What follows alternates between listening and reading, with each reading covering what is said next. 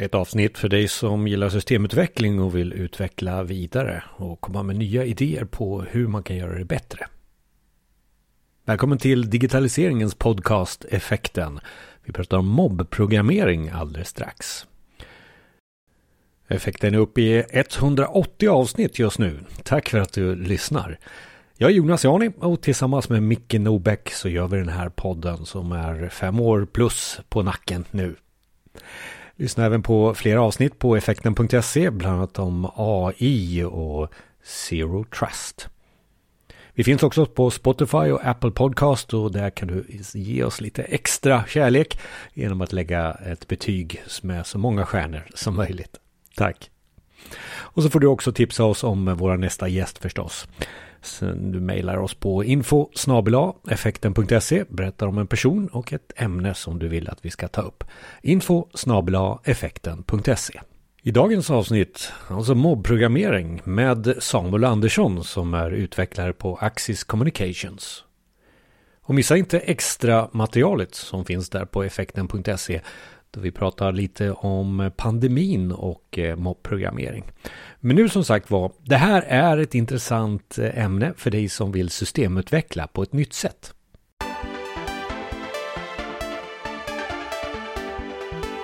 När vi tittar lite närmare på systemutveckling så är det väldigt mycket team det handlar om. Systemutveckling och digitalisering har blivit agila metoder också mycket. Eh, men team är betoningen som du brukar komma fram till. Ja, vi pratar mycket om iterativa processer och skrum och alla sådana saker. Mm. Men, men det viktiga är ju hur man jobbar tillsammans i ett team. Och agiliteten kommer alltid fram här och, och, man jobbar i team, man, man har någon board eh, där man har task som ska slutföras. Men det är egentligen metoden hur man kommer fram till resultatet som oftast diskuteras. Jag tror man formar ut efter den organisation och den eh, produkt eller där man, den tjänst man utvecklar. Så sätter man ihop teamet och teamet innehåller ju alltid i princip utvecklare och så är det någon som är kanske backlog owner eller projektledare på något sätt. Eh, och så kan det vara någon UX och det kan vara någon eh, test och det kan finnas någon arkitekt lite grann utanför teamet och, och sådär. Men men hur man formar teamet är det vi ska prata om idag och hur man arbetar tillsammans. Och välkommen Samuel. Tack så mycket. Mobbprogrammering är ämnet. Eh, det låter lite så här grilla över det hela och, och, och lite gangster. Eh, eh, och, och det ska vi kanske försöka klä av lite här och, och försöka förklara begreppet. Så vad är mobbprogrammering för dig? Ja, mobbprogrammering. Eh, jag har jobbat med mobbprogrammering nu i eh, tre och ett halvt år eh, nästan uteslutande. Och i grund och botten kan man säga att det handlar om att ett arbetssätt där man sitter tre eller flera personer och jobbar på samma sak. Man sitter på samma plats och när det gäller utveckling och programmering så jobbar man även på samma dator. Um, och det är så då att uh, arbetsytan som medlemmarna sitter vid är um, vanligtvis en storbilds-tv uh, och då har man placerat ett skrivbord framför och man har en uppsättning tangentbordmus uh, eh, som alla delar på då. Um, en sak som kan vara intressant med eh, mobbprogrammering är eh, någonting som vi anammar är ju någonting som vi kallar för driver navigator. Det vill säga att det är en driver som sitter vid tangentbordet och programmerar Um, och alla andra deltagare i mobben, som vi kallar den här gruppen då, mm. uh, är navigatörer. Uh, de, deras uppgift är att berätta för driven vad som ska göras. Uh, och syftet med det är, är, ju då att alla deltagare blir engagerade och så att det inte blir en situation där drivern är den som programmerar och alla andra bara sitter och tittar på. För då är det lätt att man tappar fokus eller, eller zonar ut. Jag ser framför mig, det sitter tre, fyra personer framför en tv-apparat. Det är en som sitter och programmerar och det, pro, programmeringen visas på tv-apparaten. Det är det jag ser framför mig när du berättar. Det är exakt det som händer. Men vad är det som, alltså, vad, vad, vad, nu kanske inte du kan svara på den här frågan, men mobb låter lite sådär, det här är inte så många som gör så vi det är lite häftigt att kalla det mobb. Eh, eh, ja, det, det är ju en utökning av parprogrammering egentligen. Så att eh, i, i begynnelsen så så satt man själv och kodade och sen så kom man på att ja men om två sitter och kan bolla idé, idéer med varandra så blir det ett bättre resultat. Mm. Och mobb är egentligen man, ja, det är väl kommer från det engelska ordet att man bara, ja vi tar en grupp liksom. Ja. Och, och, Samuel är ju lite part i målet här eh, Micke, men du har också varit med i mobb programmering så, men kanske inte så där eh, just att programmera, men du har varit och sett mobben. Ja, precis. Din... Jag, ju, jag ingår ju i ett team, eller flera team rättare sagt, där mobb, utvecklarna mobbprogrammerar. Så att det, det, är inte alltid testarna är med i mobben och det är inte alltid UX är med i mobben och det är inte alltid, ja vad det nu kan vara för andra runt om eh, Eh, tjänster. Ehm, men eh, vi är ju ändå del av, vi kan ha daily stand-ups och vi kan vara med på retros och eh, sprintplaneringar och alla sådana här saker. Men vi sitter inte rent fysiskt och, och arbetar tillsammans. Det gör vi inte. Så att det är kanske också viktigt här att påpeka sammanhanget att det här är programmeringen av i, i en del av ett projekt eller i, i en agil process för att ta fram en produkt eller en, en eh, ett system på något sätt. Absolut, det är framförallt det som jag har varit delaktig i. Um, och jag, vill bara, jag tänkte bara lägga till att mm. när, när man har den här Driver Navigator modellen, det är ju inte en person som alltid sitter vid tangentbordet utan man roterar ju. Så att eh, efter kanske hur länge man sitter vid tangentbordet är väldigt olika men kanske efter 5-10 minuter så, så blir det någon av navigatörerna som blir eh, driver istället. Men visst är det så att det finns till och med någon liten mjukvara som du kan köra? Ja. Någon liten app som är någon mobb-timer och Absolut, en... vi, vi använder ju framförallt ett verktyg som, som heter Mobster eh, som är en applikation som helt enkelt tar över hela skärmen när det har gått fem minuter och, och, och tvingar dig att eh, byta. Det här låter svettigt, det låter som så här eh, gymnastiska övningar. Liksom. Ja. Men, men det, vi, vi, vi har väl uppe det här också och, och, och, Samuel du pratar ju varmt om det. Men, men om vi skulle exemplifiera mobbprogrammering, vad är, det, vad är det som gör att det blir bra enligt dig? Ja, det är, det är en, en väldigt intressant fråga för um, varför börjar man med mobbprogrammering kan man ju fråga sig egentligen.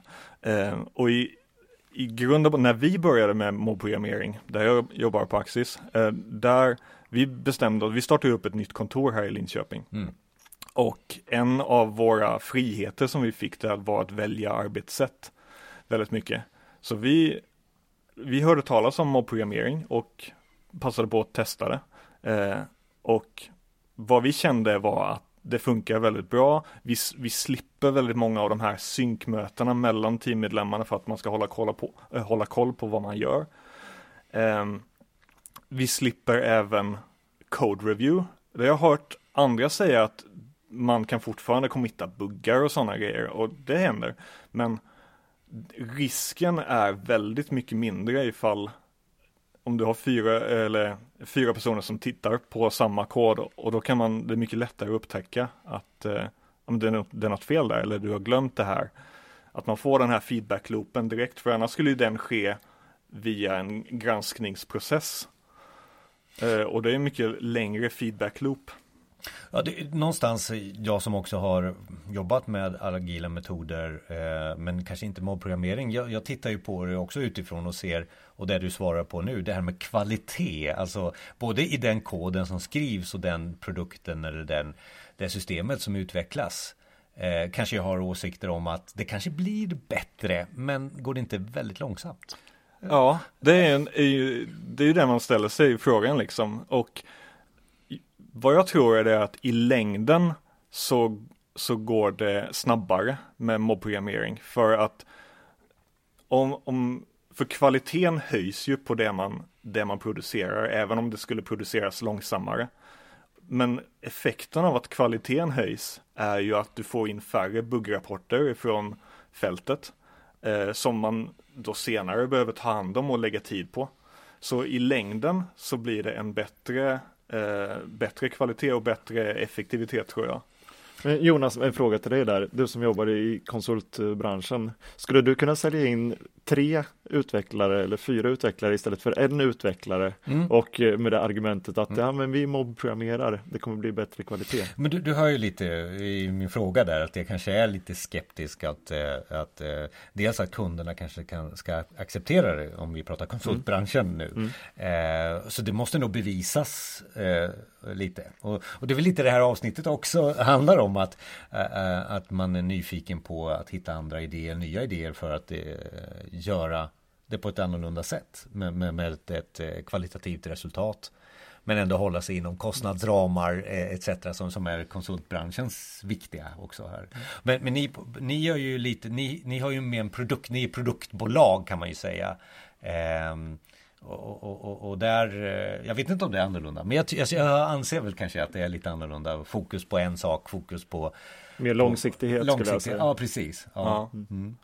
Jag kan nog hålla med där. Jag skulle tro att det är annorlunda när man jobbar med en produkt och man vet vad, vad slutmålet är egentligen snarare än att Ja, nu har jag ju inte jobbat som konsult men, men jag kan tänka mig att det är mer att man blir eh, man ibland, det är ju säkert olika, men ibland så är man ju en konsult som blir en del av något existerande.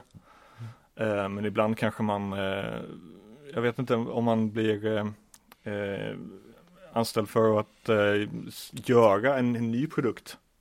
Mm. Jag tror att i, mm. i den, om man ska skapa en ny produkt, då kan det vara värt att ta in ett, ett gäng. Mm. Mm. Ja, men det, det, är intressant och jag tror att vi är en sån tipping point. Förlåt Micke. Jag måste, nej, det, jag bara reagerar. Eh, för det finns ju, det finns en tjusning i det att, att jobba i grupp och team och, och den här sköna känslan av att vi är flera delat ansvar eller kollektivt ansvar och sådär. Eh, vi har ju bland annat varit eh, produktägare eller backlog owner eh, för, för ett team. Och, och något som jag retade mig lite grann på det var när jag skulle boka möten. För jag frågade vem i teamet ska jag kalla på det här mötet med ett antal eh, stakeholders? Mm. och teamet svarar ta med alla så väljer vi en, ungefär så. Så, så, man vet aldrig vem man får, eh, utan det är någon i teamet som har tid just då eller som, som, som inte sitter och mobbprogrammerar kanske just då eller, eller sådär. Och det är lite tjusningen tycker jag det här med att alla i teamet är delaktiga och kan allting som alla håller på med. Mm. Uh, för, för en av riskerna som finns när man jobbar solo eller när alla teammedlemmar jobbar solo, det är att vissa medlemmar i teamet får spetskompetens på vissa områden som ingen annan kan någonting om. Och när, när den här personen blir sjuk eller det dyker upp en bugg och den här personen är bortrest eller vad det nu kan vara. Det är en sårbarhet för kanske produkten eller kanske hela företaget. Att det finns personer med eh, eh spetskompetens som ingen annan, det här kan, det är ingen som kan det här. Mm, mm. Eller ännu värre ifall personen slutar. Mm. Då finns det kod i produkten som ingen känner till. Men, men äh, hela teamet pratar unisont så med en röst. Väldigt konstigt. Ja men det till och med, till och med incheckningen ja, blir ju visserligen kanske i någons namn då. Men, ja. men, det kan vara fyra andra som har suttit och, och skrivit koden. Ja. Och, och, om man blir uppchattad av någon på Teams så vet man inte vem det är som egentligen sitter där och chattar. Mm. Utan det kan vara Ja. ja, hela teamet eller någon annan. Man är liksom inloggade lite grann på varandras konton sådär. Men vi var lite inne på, på just eh, dina erfarenheter av mobbprogrammeringen. Tillför lite mer det här, det här händer och det här har hänt. Eh, eh, som är bra exempel på vad ni har lyckats med i, i, i det här mobb. Ja, eh, för jag kan tänka mig att det kan vara lite sådär eh, att ni har fått ihop ett team till att börja med eh, som blir utsatta för varandras granskning. För det är så jag känner att det är det första jag får en känsla för. Mm. Ja, det, det, är intressant med, med mobbprogrammering när man sätter sig i en grupp och man bestämmer sig för att nu ska vi göra allting tillsammans liksom. Eh, så en, man börjar med att sätta upp en miljö som alla måste komma överens om att vi kör den här mjukvaran och vi kör det här programmeringsspråket och mm. eh, och sen så är det också intressant att, att, se vad som händer när det blir en väldigt stor blandning av individer i den här mobben. För jag har ju jobbat ganska länge nu. Eh, hela min liksom, karriär är ju snart tio år. Och och sen så får vi in utvecklare som är helt, kommer direkt från universitetet, har inte jobbat med utveckling alls och så ska jag samarbeta med den här personen. Vi är på väldigt olika nivå. Eh, och hur, hur blir kommunikationen mellan oss då? Eh, för det, det, det är väldigt lätt hänt att jag som ut, eh, erfaren utvecklare tar över och, och det är jag som skriver koden och den andra sitter och tittar på. Men i och med att vi har det här driver navigator konceptet som gör att vi tvingas rotera så måste jag sitta bredvid och, och titta på och instruera eh, den här nyexade då. Jag hörde bara för någon dag sedan om, om en av kollegorna här som berättade att, att den som satt eh, bredvid henne eh, liksom glider närmare och närmare eh, tangentbordet under, under passet liksom för att bli så sjukt sugen på Ja, jag kanske jag, jag har lite jag kan skriva in här lite snabbt. Ja, det är en grej som, som man måste träna på som när man sitter som navigator att man måste undvika den här eh, den här suget att, vet du, får jag bara låna tangentbordet så ska jag visa vad jag menar. Utan man måste berätta vad det är som man menar, man måste berätta och instruera. Du, du kanske blir bättre som person också, mer Ja. tålmodig. Absolut. Ja, det. Ja. Men det är lite kul Micke att du säger det. Eh, Samuel, har du också några sådana här stories som har hänt under de här tio åren? Nu har kanske inte mobbprogrammerat i tio år, men, men eh, har du några stories eh, runt så här, ja det här hände och det här är ju roligt när det här uppstår. Ja, vi, för, ett, för ett par år sedan på i förra kontoret som vi var på, då, då var det hyfsat nytt ändå med, med mobbprogrammering när vi hade hållit på ett tag och vi hade lite besök ifrån vårt huvudkontor. Eh, och en, en fin grej som, som hände då var att vi, de som kom på besök, de fick vara med i mobben. De var inte en del av teamet, men vi kunde bjuda in dem som gäster i mobben. För man behöver inte ha någon domänkunskap, du behöver inte kunna språket knappt för att eh, de som sitter bredvid kan instruera dig och tala om vad det är, vad det är du ska skriva. Ehm, så det är väldigt lätt att introducera nya till mobben.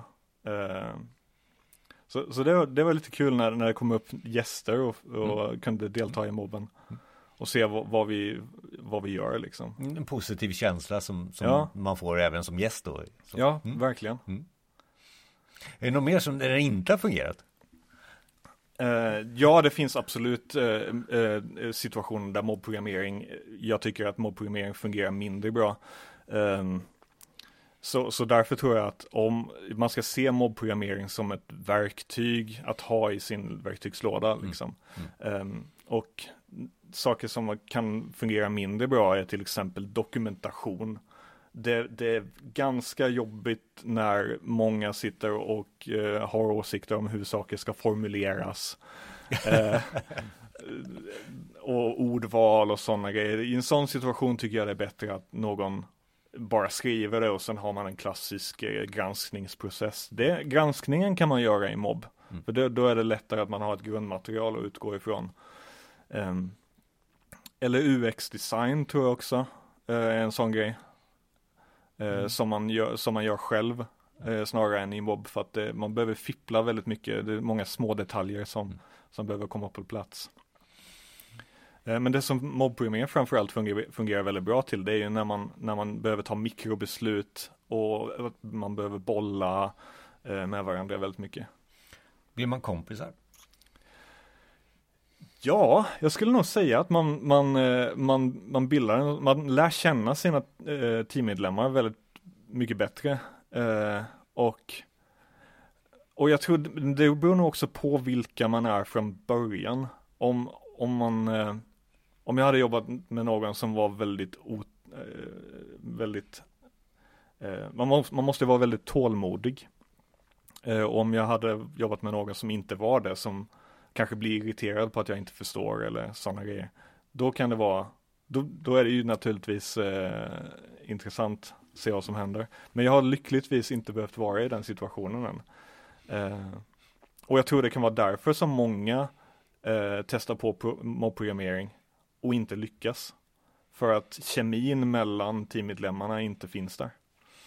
Du som har jämföra mycket målprogrammering med andra typer av systemutvecklingsprojekt som du är inblandat i. Är det någonting du vill highlighta det som, som är positivt eller annorlunda? Jag tänker att det finns ju ytterligheter på skalan där, där, där det kan vara en så att säga, helt ensam eh, programmerare som kör ditt race, du blir tilldelad en uppgift, gör den, mm. eh, checkar in och så förhoppningsvis är det någon som kollar att det du har checkat in är okej.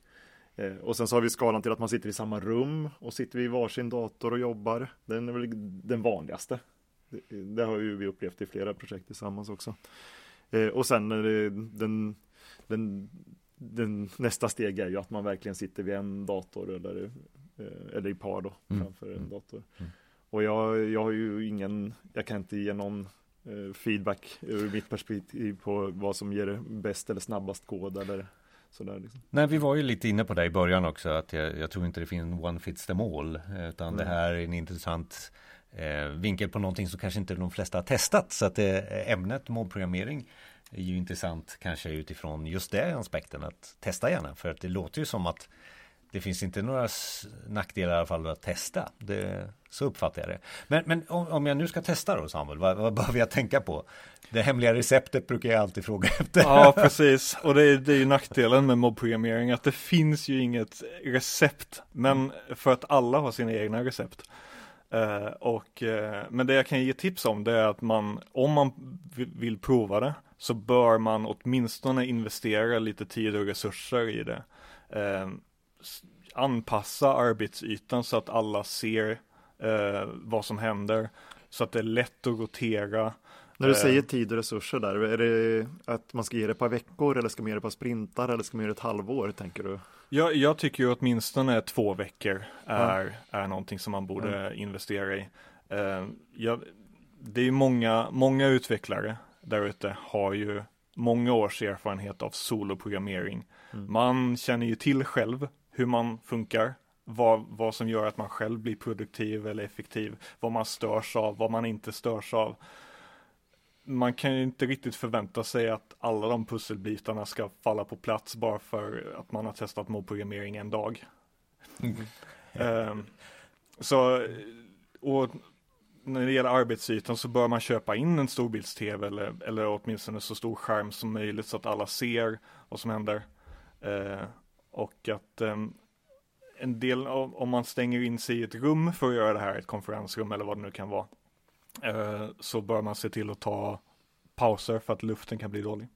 Man måste vara pigg och fräsch i hjärnan för, för att få ut någonting av det här för att annars, annars är det lätt att man tappar fokus.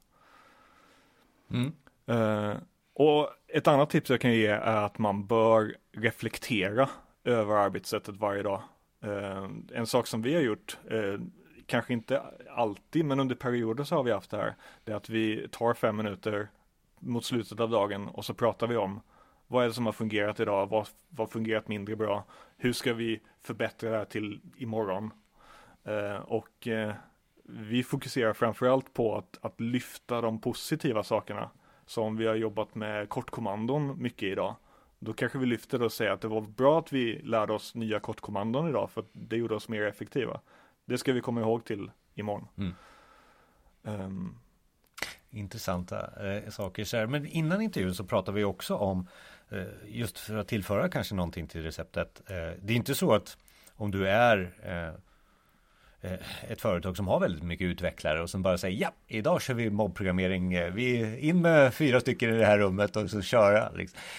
Det är inte för alla Nej. mobbprogrammering. Nej, om man bara på en företagsnivå säger att nu ska alla köra mobbprogrammering så tror man att det kommer funka. Det är ett eh, recept för katastrof, skulle jag säga. Eh, nej, man måste, jag har varit med eller hört talas om mobbar där individernas personlighet helt enkelt inte passar för mobbprogrammering. Man kanske blir väldigt nervös av att kolla på, eh, att när folk kollar på när man kodar eller att man man, eh, ja, jag vet inte vad det kan vara, men en del tycker helt enkelt inte om det och då borde man inte vara med i en mobb.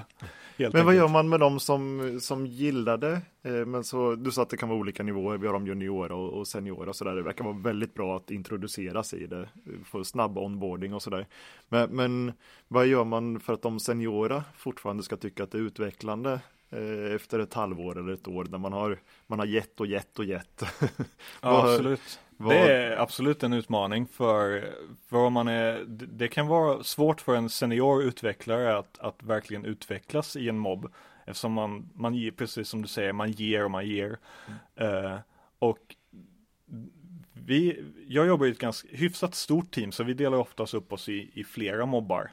Och en fördel man kan dra nytta av då, det är att man kan sätta alla de erfarna utvecklarna i en mobb och alla de juniora utvecklarna i en mobb.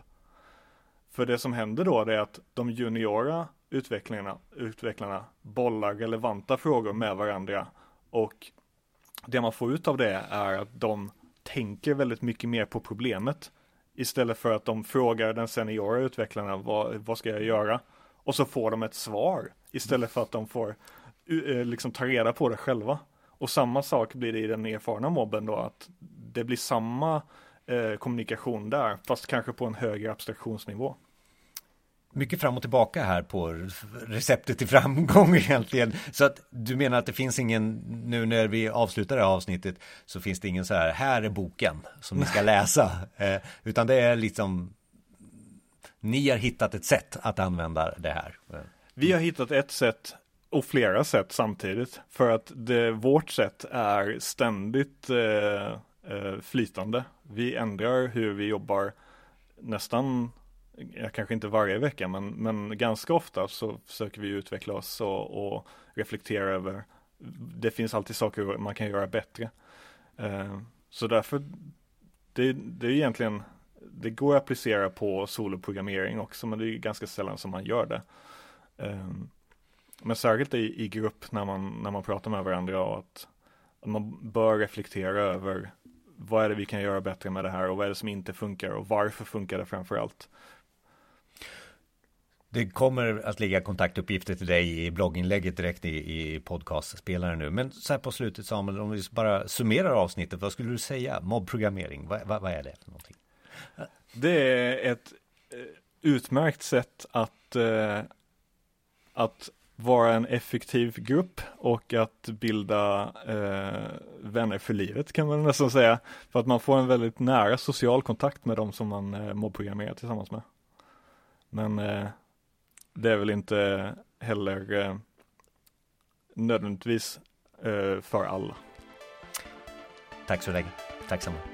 Tack. Tack.